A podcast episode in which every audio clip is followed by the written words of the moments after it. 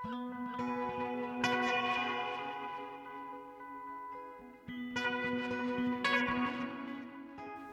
og sæl, kæru hlustendur. Halla Harðardóttir og Guðni Tómasson hels ykkur úr hljóðstofu Víðsjár þriðjúdægin 24. januar.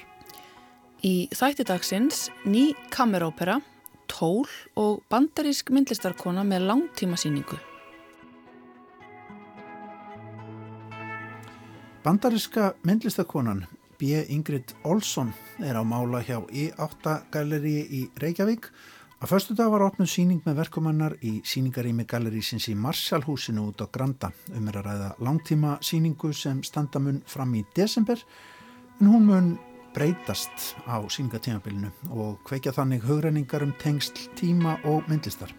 Við ræðum við Olsson um síninguna Cast of Mind hér eftir stuttastönd. Myrkir músikdagar hefjast í dag og það er mikið um dýrðir í dagskráni. Meðal annars verður flutt á laugardag ný íslensk kammerópera byggð á ljóðabók Elisabetar Jökulstóttur Ástinn einn taugarhúa, engin dans við uppsaklett. Tónlistin er eftir Önnu Haldórsdóttur og flytjandur verksins eru þær Tinna Þorvalds Önnudóttir, leik og söngkona og Júlia Móensen, seljuleikari. Er Tinna og Anna verðar gestur okkar í þættidagsins. Og Sölvi Haldarsson, einn bókmentagagrinanda viðsjár, hann hefur verið að lesa nýjútkomna skáldsögu Kristínar Eiríksdóttur sem heitir Tól. Hann segir okkur skoðun sína í þættinum. En við hefum leika á því að fara í Marsjálhúsið. Í Marsjálhúsinu, tölvert langt út á Granda í Reykjavík, er Markskins myndlistarstarfsemi eins og margir fastalustendur viðsjár vita eflaust. Þar er nýlistarsafn Íslands til húsa Kling og Bang Gallery, þar sem nú má enn sjá verk rúsneska listaktivista hópsins Pussy Riot á eh, merkilegri síningu. Þar er líka veitingastæður undir merkjum La Primavera og þar er líka rými sem að Galleri E8 hefur lagt undir sig á síðustu árum. En höfustuðar þess gallerís eru ekki íkja langt undan í tryggvagautunni. Í E8 Granda var opnuð nú á sunnudag síningaverkum bandarískrar listakonu B. Ingrid Olsson sem að fættir árið 1987 og býr og starfar í Chicago. Hún er á mála hjá Íslenska galleríinu en hefur sínt bæði á enga og samsýningum viðam um heim, austanhafs og vestan. Síning Olsson er samsett úr skúldurum, ljósum, einkennilegu borði sem er eins og endur mótanlegt, ljósmyndaverkum og texta á vegg. Hún heitir upp á ennsku Cast of Mind sem mætti því það sem hugar mót eða hugar mótun en hún er óvennilega því leiti að hún stendur lengi alveg núna frá 20. janúar og fram til 20. desember og síningin mun breytast á síningatímanum því að helsásíningar á þessum bæ eru helgaðar hugmyndum um tíma og rúm og uppstillingin mun því þróast er líður á síninguna. Þetta býður listamannum að íhuga hvernig tíminn mótar verk þeirra og hvernig flæðið hvetur áhöröndur til að heimsækja aftur síbreytilegar innsetningar, segir í texta gallerísins um síninguna. I mean, it's only just the beginning, so maybe I'll feel differently in December of this year than I feel now, but um, I think this is the first time that I haven't felt entirely stressed before a show. Um, and everyone I know here has been actually remarking on what a different energy I have this week rather than other shows. Um, Þetta er bara upphafið á síningunni, segir Olsson þegar ég tek hann tali í rýminu mestur og granta, rétt áður en að síningin opnar. Mér mög kannski líða allt öðruvísi í desember en núna, en ég held að þetta sé í fyrsta sinn sem ég finna ekki fyrir miklu stressi fyrir síningaropnun og það segjaðu líka hér sem þekkja mig, orkan er vist önnur en venjulega. En ég held að það sé eitthvað mjög töfrandi við að endur þjálfa hugan til að hugsa um síningu sem ekki endanlega heldur opna fyrir umbreytingu. Þetta er í rauninni eðlilegra fyrir listamenn. Þetta undistrykka líka það sem flestir vilja gera, að endur hugsa hlutina sem maður er að gera í rýminu, fer ekkar að móta þá endanlega í þrengri og takmarkari síningatíma. Það er gaman að spyrja sig hvað get ég gert öðruvísi hverju get ég breytt? Probably most people would want to do is rethink the thing that you're doing in the same space and just kind of go, what could I do differently? Mm -hmm. um, and respond over and over again to the architecture or to your own um, work and situation. It's great. Mm -hmm. En veitlistakonan hvernig síningin mun þróast á þessu ofinlega langa síningatímabili? I do. I mean, I have a um, like a loose sketch or architecture for the show, and I don't want to ruin any. I don't know if there'll be huge surprises. They're very subtle, but um, I think just kind of accentuating the architecture differently throughout the year and you know, I think it's probably not novel to anyone who lives here, but the light is so different than... Um, Ég er með einhverjar lausa skissur eða eins konar arkitektur fyrir síningun og þróun hennar, segir Olsson. Það verða kannski einhver umbyltingar, heldur lástemdar breytingar í rýminu. Mér er fyrst og fremst umhugaðum að íta undir og undirstryka arkitektur rýmisins, þessa miklu lofthæð sem hér er, með ólíkum hætti yfir árið. Það er ekki fréttir fyrir neitt sem hér býr en byrtan breytist auðvitað mikið og hefur áhrif á skinnjun okkar. Það er því hægt að grýpa til samleikingar við ljósmyndun, hvernig ljósið eins og opnast fram á árið og lokast svo aftur. Þessi fullkomni ringur ljósin sem við finnum fyrir og skinnjum og ég mun því umbreyta rýminu á tímabilinu og hleypa kannski meira ljósi inn í síningarýmið sem tekst síðan á við ljósin sem ég hef sjálf komið upp hér inni í rýminu. Já, ljósin sem að hanga niður úr loftinu, úr mikilli lofthæð og eru raun bara rétt yfir gestinum, eru nokkuð sérstök þarna. Sér hönnuð keramíkljós sem að gefa manni tilfinningu fyrir eins og ósýnilegu fölsku þaki yfir manni. Ramaslýsingin mun líka breytast og Olsson segir jafnvel að hún verði mest þegar hennar verður minnst þörf Það er að segja um hásumar þegar síningin verður líkast til allt önnur en hún er í dag. Sumverkana eru af öðrum síningum Ingrid Olsson. Ljósin eiga til dæmis uppruna sinn á síningu sem hún var með í Harvard í bandargjönum fyrir ekki íkja löngu. Uppsetningin er þó allt önnur í þessu íkta háa rými sem í áttagalleri leggur undir sig þarna í Marsalhúsinu. Og í þeim tveimur rýmum sem síning Olsson er, er lýsingin algjörlega ólík. Gesturinn kemur inn í flúolýsingu en keramíkljósin áðurnemdu í hinuríminu bjóðu upp á mýgri byrtu fyrir vekkverkin 2 sem eru annarsvegar eins og tvöfald ljósmynd og hins vegar lítill vekkskuldur. Við byrjum á því að skoða saman ljósmyndina. Þar starir listakonan út úr ljósmynd sem er eins og undir annari ljósmynd. Þetta er verk úr seríu sem Olsson kallar Duro Pictures út frá enska orðinu Duration sem vísar til tíma og gangs hans kannski að íslenska orðið andrá námi ágætla yfir þetta orð. Um, this is a, a work from an ongoing series of mine which I've kind of recently titled Dura Pictures, kind of thinking of duration. Um, they're always a center image, which is an inkjet photographic print that is then framed by um, a map board traditionally, but the map board actually has a print directly on the map board. So then it's cut into to Listakonan sviðsettur sjálfa sig í ljósmyndaverkum sínum en myndin af henni byrtist okkur innan úr annari óræðari ljósmynd sem er þykkari eins og kartóni fyrir framann. Sem sagt, tvær ljósmyndir, tvær vítir sem takast þarna á einhvern veginn og þær eiga sér oftar en ekki ólíkan uppruna, koma frá ólíkum tíma. Ég er ofta lítum ögsl, segi listakonan, velta fyrir mér samspili eldri mynda og nýri. So retrospective, maybe looking back into a, a, previous image and seeing its inflection on a more present uh, image or setting. Um, Is this yourself here looking at? In the center, that's my eye, yes.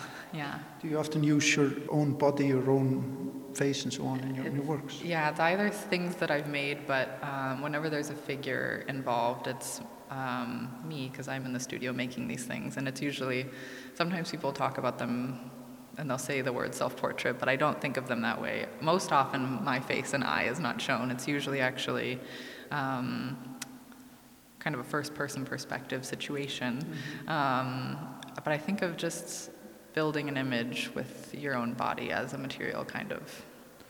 Olsson segir að það sé handtakt að nota eigin andlit og líkama í verkunum sínum og stundum notar hún líka fundna hluti í verkin svo á viðum lítinn skuldur sem er á vegnum gengt tvöföldu ljósmyndinni sem hér var nefnd.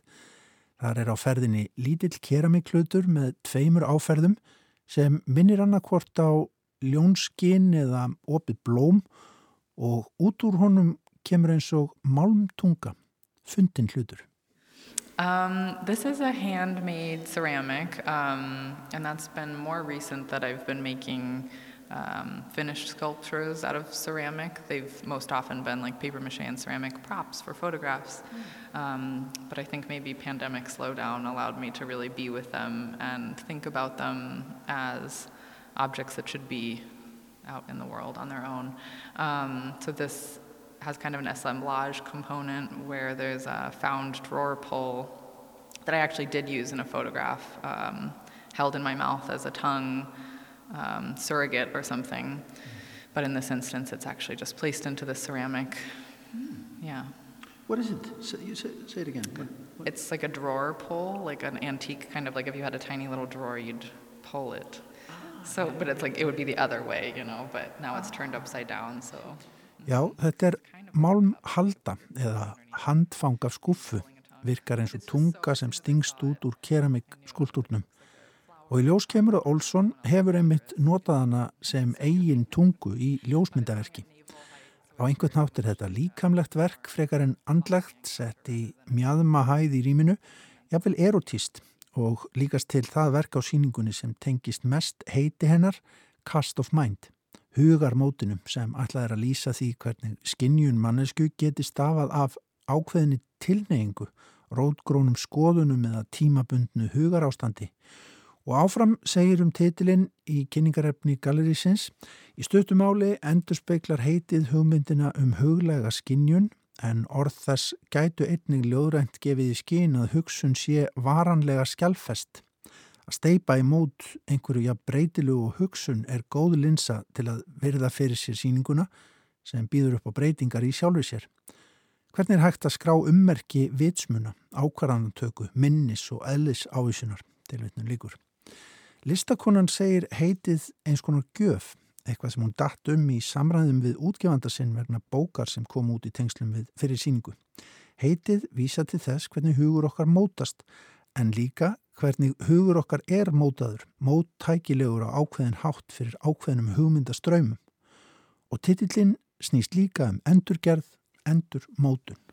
Cast of Mind. Um, it was actually just a gift from an editor that was working on the book for the Carpenter Center mm. with me, and I was complimenting her for all of her amazing edits, and she said, her mentor told her it was a boring cast of mind being an editor. and I had never heard the phrase, and it was right when I was thinking about this show. Um, and immediately, since I didn't actually know what it meant, I thought of it meaning kind of more of like a cast, like making a replica or copy of a mindset or something. So then once I looked up, which I think is more of a British maybe saying, um, it just felt like I often like double meanings in my titles of the works and these kind of things where there's a fluidity where you might be able to misread it and think of um, actually making a copy of your mind or the fact that it's like your mindset and the way that you're thinking of things, whether it be pessimism, optimism, conservatism, feminism, whatever, you know. Mm-hmm. So I think it's just an interesting idea to think of both mood and maybe making something, making a, um, a document of something. saði B. Ingrid Olsson, bandariska myndlistakonan sem á verka á síningunni Cast of Mind í húsnæðinu sem E8 Gallerí hefur til umræða í Marshallhúsinu út á Granda. Þessa dagana, ekki síst vegna myrkra músikdaga sem að hefjast í dag eins og við sögum frá hér í Víðsjá í gær og eins og við ætlum líka að hugað hér að síðari þettinum, þá erum við hér í Víðsjá opinn fyrir tilrunarkendri tónlist þessa dagana. Kali Malone heitir sænsk tónlistakona og tónskáld sem hefur gert tónlist undir þessu sama heiti og Olsson valdi þetta á síningunum Vestur á Granda og kallað Cast of Mind. Þessi tónlist er byrjuð að hljóma hér undir og við skulum leif okkur að fljóta í henni umstund.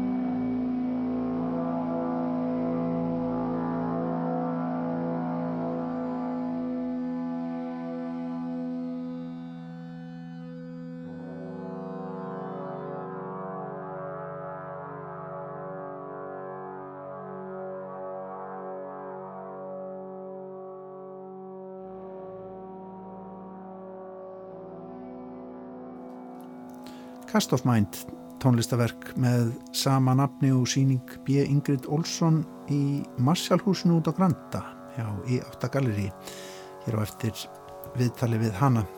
Þetta er eftir sænska tónskáldið og tónlistakonuna Kali Malone. En þá er komið að bókmentaríni það er halda áfram að seitla hér inn í janúar myrkrið að þessu sinni er það Sölvi Haldorsson sem hefur nýlokið við að lesa tól eftir Kristínu Eiriksdóttur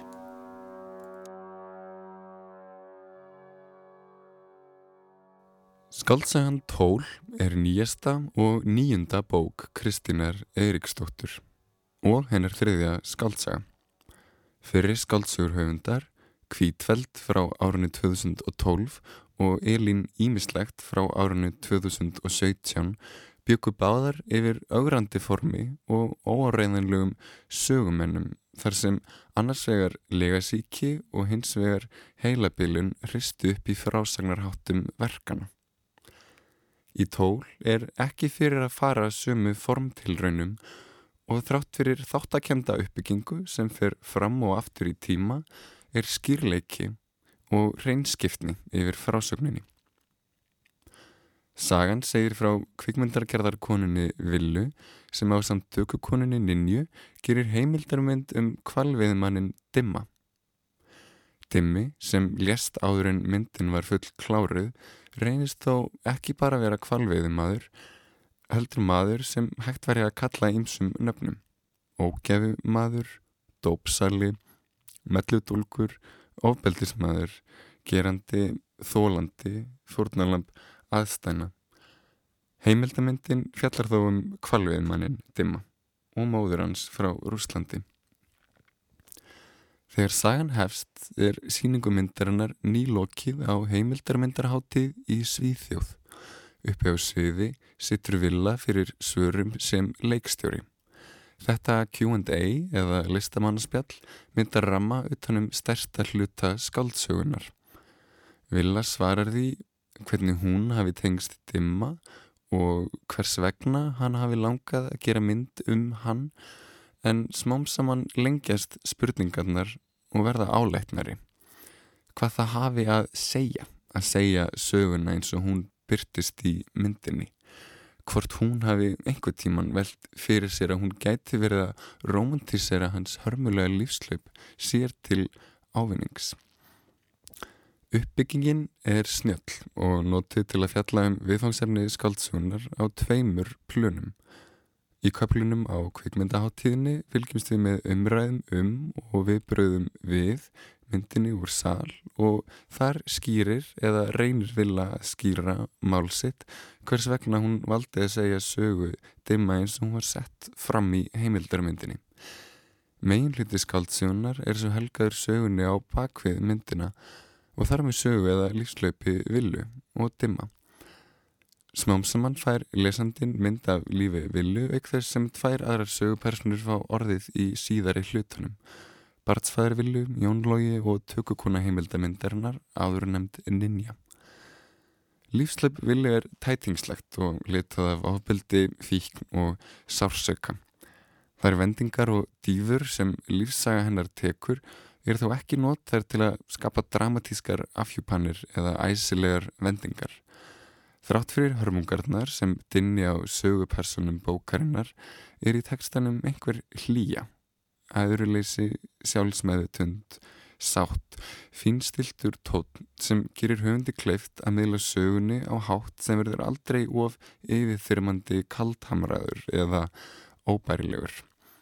Tól er enda saga sem fjallar ekki bara um fíkn heldur einnig bata og langdregnu, þreytandi og óregrettu ferlinn þar á milli.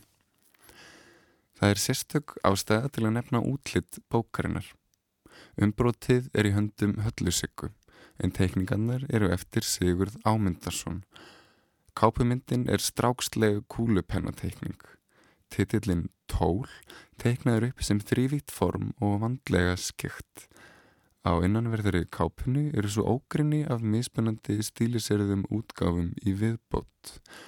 T.O.L. teiknaði öðrum letturtypum, einfaldari, útferslum, ímist samþjappuðum, tegðum eða bara af allt öðrum toga. Allar þessar skissur gefa tilfinningu fyrir nálægð og yfirlegu jafnvel þráhyggju teiknarans, vinnuferlinu á bakvið loka útkomuna sem er yfirleitt hulið öðrum.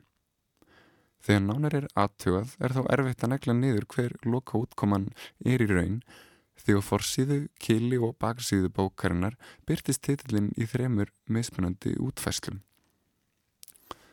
Í tól er loka útkoman ekki raukréttur fastur endapunktur, heldur ákverðin þess sem heldur á pennanum, á tökuvélinni eða hljóðneimanum hverju sinni. Við gerð heimildarmyndarinnar á sviðis eða framsetningin sér þó stað begja vegna myndavélarinnar. Dimmi setur sér í ólíkar stællingar gagvart kvikmyndagerða konunum tveimur.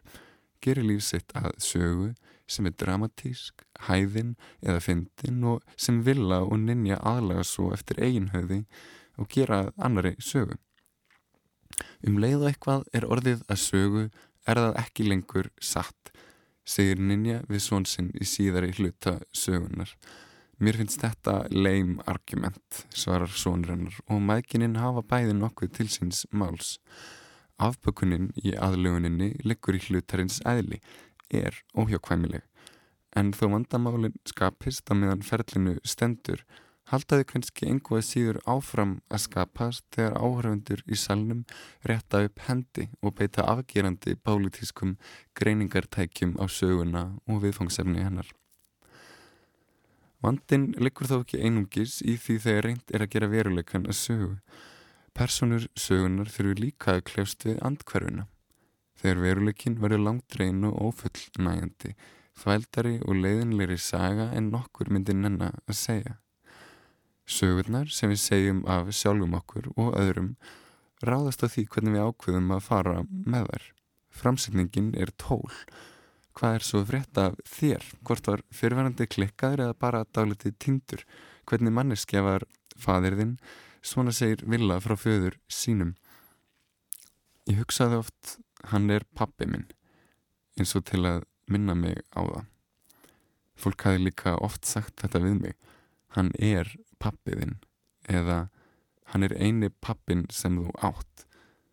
Og eitthvað tíman þegar ég sagði eitthvað neikvægt um hann, þú skuldar hannum alltaf fyrir lífgjöfuna. Tilvíknin líkur. Tól er margslungin metnaði full og sérstaklega vel uppbyggð skáltsa sem ég laka til að halda áfram að ræða við fólki í kringum mig. Við sjá gefur ekki stjörnur en ef svo væri þá myndi ég gefa tól mjög margar.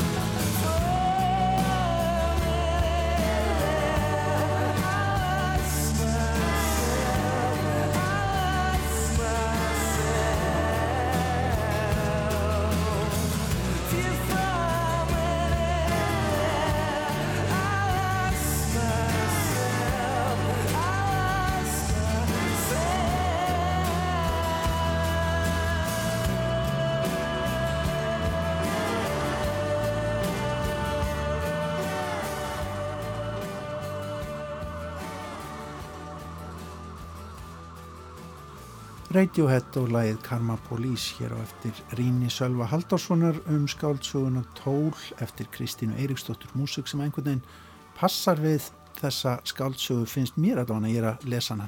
Er í meðri Já, alltaf gott að reyfi upp tónlist unglingsárana, Guðni. inn á milli. Já, en Kristín Eiríksdóttir, hún er einmitt tilnæmt til íslensku bókmentavelunana fyrir tól og verlunin verða afhend í kvöld á bestastöðum.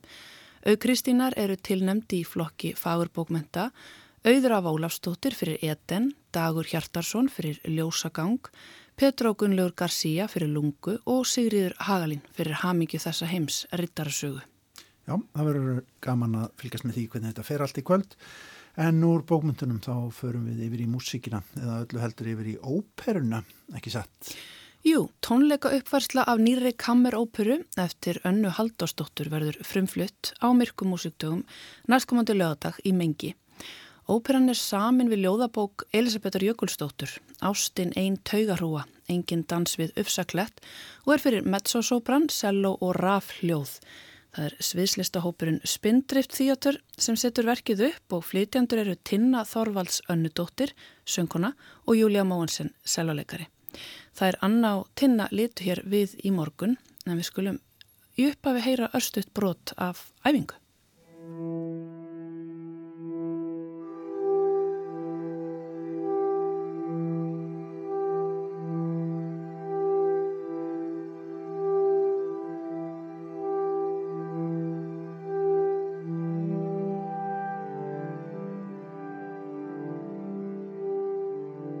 Velkomnar í viðsjá, búða tvær.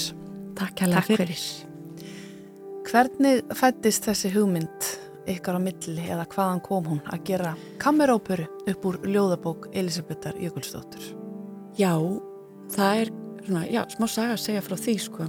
Að eiginlega kemur hugmyndin frá Elisabetu sjálfri en ég veit ekki hvort hún alveg hérna mann eftir ég, þetta var bara svona um, ég sett keifti þessa bók þegar hún var nýlega komin út í afmæliskjöf handa vinkonum minni og uh, uh, sem að vildi svo reyndar til að hún fekk held ég þrjú eintök á þessari bók, þetta kringla átti mjög hérna vel við hana en hún gæti allavega ekki skila minni vegna þess að um, hún var árituð.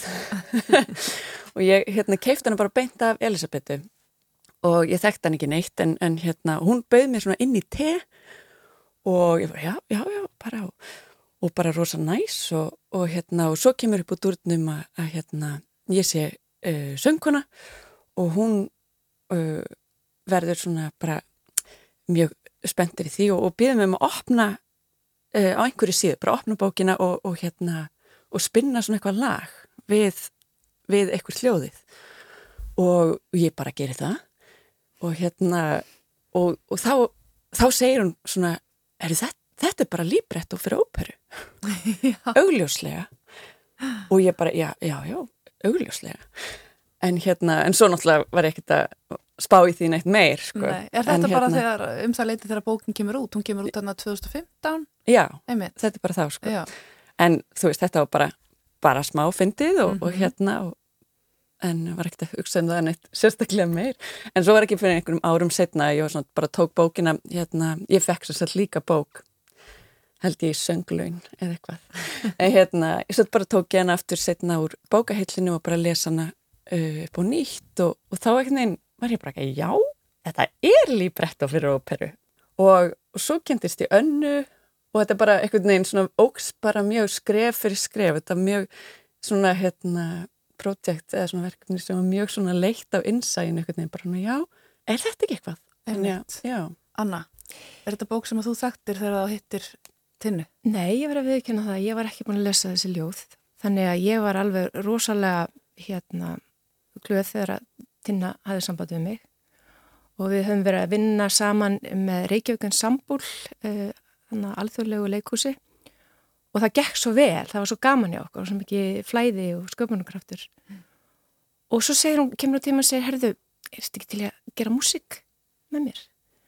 Og, og þá fóru við að hittast, við hittast fyrst heimi hjá mér og þetta var Mhm. Voru svona svolítið prósess hjá okkur, líka bara út af heimsfaraldri og svo ákvað ég að fara í skóla og svona og tinna ferðast og svona. Þannig að eh, við fórum að hittust eh, heima hjá mér og þetta var svo, þetta búið svo skemmtilegt ferli vegna þess að við, við tókum alveg virkilega góðan tíma að lesa ljóðin og tala saman um þau og, og unnum það, það ofslega vel sko og, og svona reyna að hlusta eftir því hvað hver tónlistin ætti að vera og hvernig hún ætti að hljóma. Og ég sjálf, ég hef aldrei gert óperu. Þannig að ég, en ég hef einhvern veginn, það hef einhvern veginn verið þannig í mínu lífi að ég hef verið beðin um að gera hluti. Og þú veist, eitt dæmi var til dæmis að ég var beðin um að gera tónlist við uh, mongolska heimildamind um arnaviði fólki sem var bara algjörlega abstrakt. Spurði hvort ég geti gert og ég sagði já við því og ég bara ok, finnum út af því. Og það var sama með þetta að, að hérna Tinna kemur til mín og, og bara hún er svo stórkostleg og, og, og stórkostleg söngkona ég segi wow, það er bara kvílitt spennandi og þannig að, að þetta var bara svona að átta sig á því hvernig uh, látu þetta verða til og, og, og sína líka þessum ljóðum virðingum og, og virðingu og, og, og mér finnst svona marganhátt að bara að því að lesa ljóðin það bara kom tónlistin út, út úr þeim. Mm -hmm. Rifið aðeins upp með mér uh, bókina. Hvernig bók er Engin dans við öfsaklett? já, þetta er sko ljóðabók, eða svona ljóðsaga Mhm. þetta, er, þetta segir sögu af ástasambandi frá byrjun til enda í rauninni, og hérna óbeldisfullu ástasambandi og, og það var einmitt sko og hún er í rauninni í þremur hlutum uh, tilhugalíf, sambúð skilnaður og við vorum einmitt svona já, tókum einmitt rosa góðan tíma í að myndi að finna þráðin í gegn og þú veist, og finna dramatúrkíuna, þú veist, hvað hvaða sögu verið að segja? Er þetta bara svona, ó, enn einn saga um, ein- um einhvern mann? Þú veist, hvað samband. Um, og við komum staði að svo er bara alls ekki, þetta er, þetta er alveg svona hennar innra ferðalag sem speglast að hluta til í þessu sambandi, eða það var svona okkar allavega hana okkar niðurstaði þessu ferli, sko. Og já, og þetta er bara svona og hún sko náttúrulega segir söguna eins og sko Elisabeth verið lægið að, að hérna að hún næri einhvern veginn að föndra saman sko dramatík og ótrúlega skemmtilegum hverstarsleika bara í sama textan Mhm.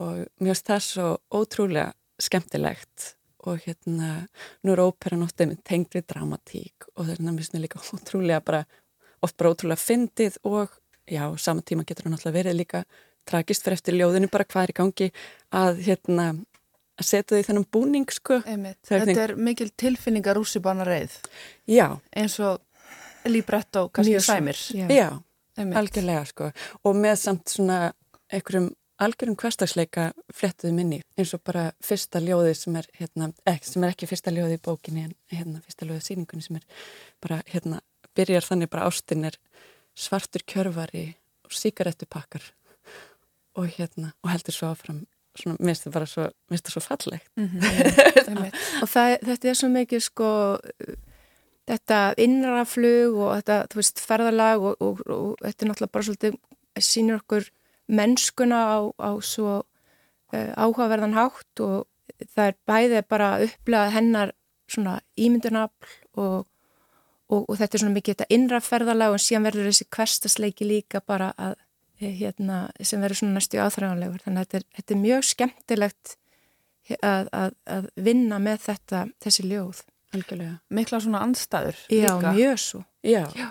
og bæði bara mjög fallegt og mjög ljótt, eða þú veist hvernig, Mhm.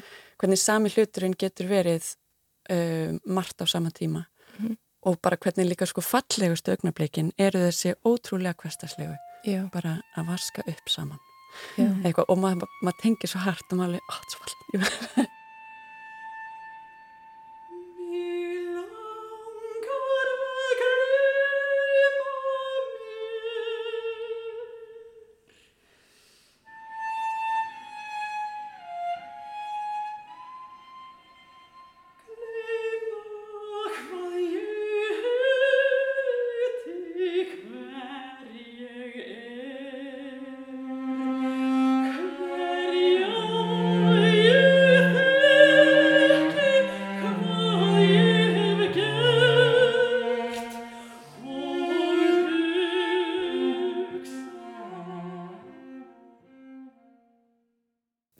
fyrst þegar við vorum að, að skoða þetta þá ætlum við fyrst bara að hafa rödd.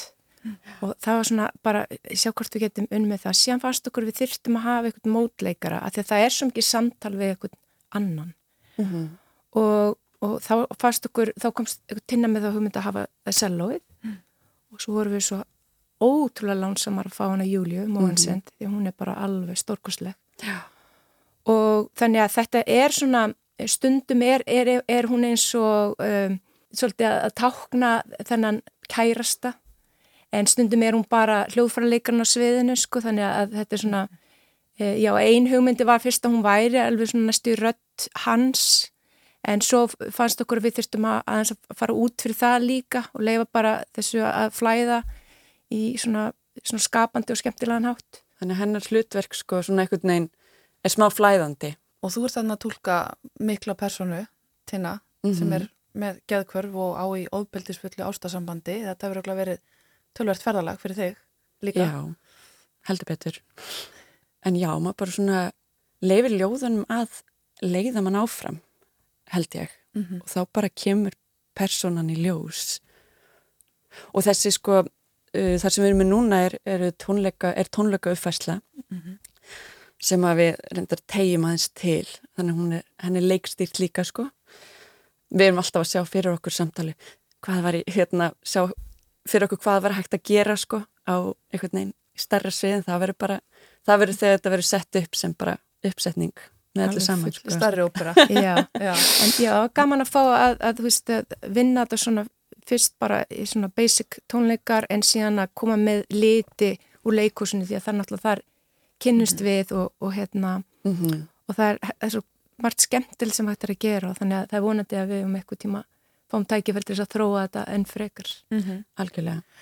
Tina, þú eru komið yngar áður að tala um spindrift, leikhóp, spindrift. Mhm. Anna, er þú nýst inn inn í þetta, þetta kollektíf eða hvað? Já, ég er bara þannig laga, alveg splungun í ég, við bara þetta er bara einhvern veginn þróast svona yfir þessi, hvað, þessi tvö ár sem við erum búin að vinna þetta saman og hérna, já, ég bara er núna í skóla með þessu þannig að það er ímislegt í gangi en það er bara búið heilmikið gleði að vinna með uh, spindrift hópnum og, og Bergdísi Júliu, Mhm. leikstjóra sem er alveg dásamleg og Mhm. og flott, rosa flott og, og þannig að þetta er búið að vera mikið, mikið Mhm. og bara ég er spennt fyrir framtíðinni. Þetta er mikill kvenna hópur. Ef ég man rétt, Tina, þá vinnur spindrift eftir feminískum gildum. Já, Segð okkur aðeins frá því. við svona við viljum hafa hýrarkínu sem flatasta, getur maður ekki sagt það? Er það, það mótsögn? Valdastruktúrin. Já, Að hérna, að... eh, Kannski bara ekki hafa valdastruktúr.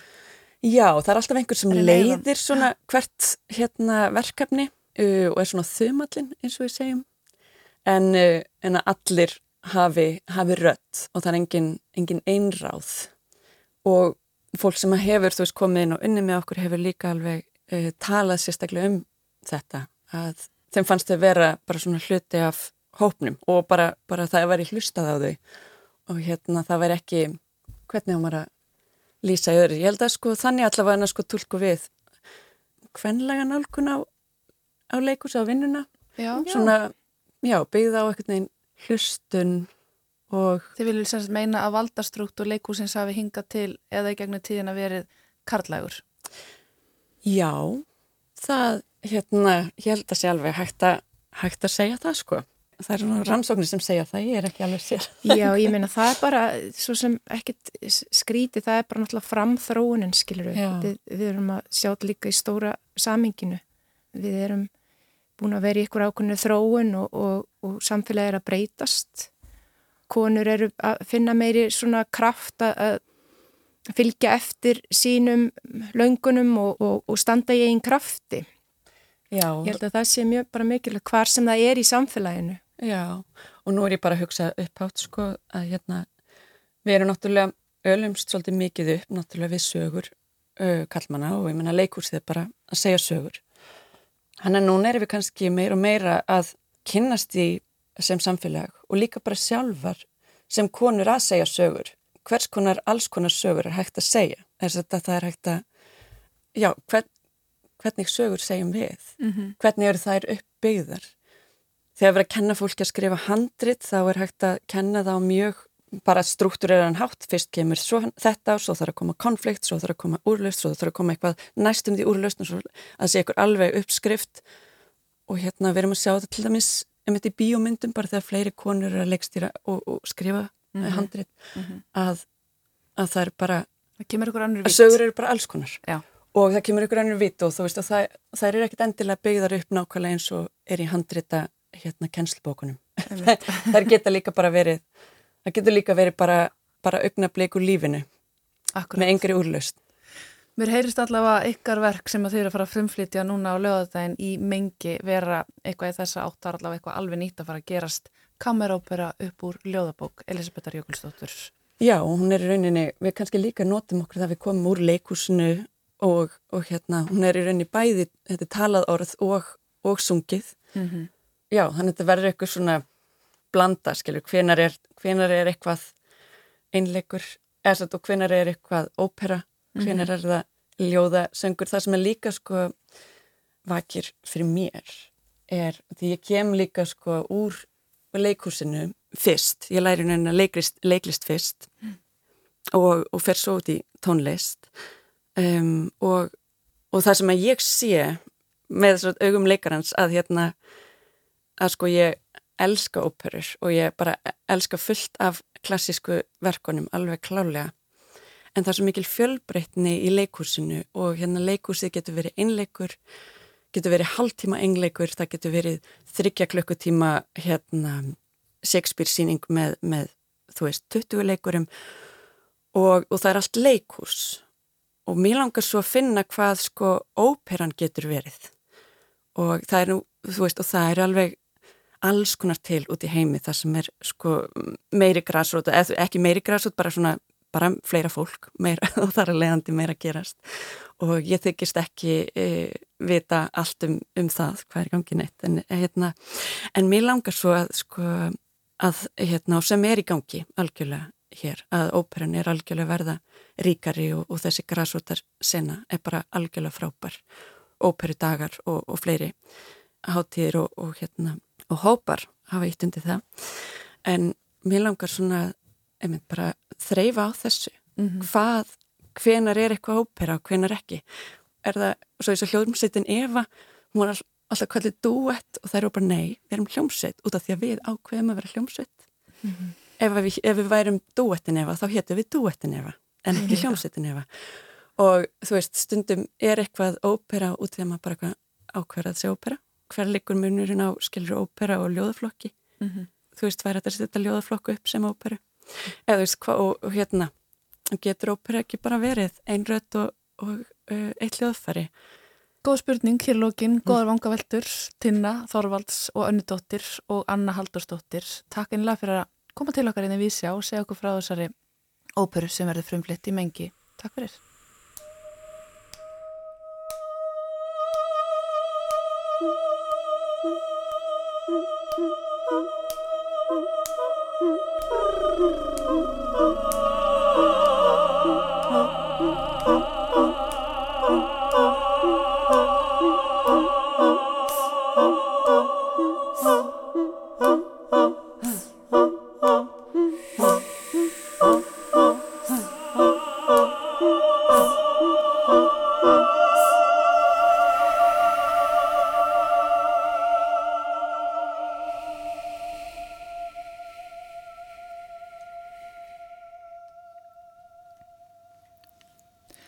Já, ný kammerópera saman við ljóðabók Elisabetar Jökulstóttur, Ástin einn taugarúa, engin dans við uppsaklett.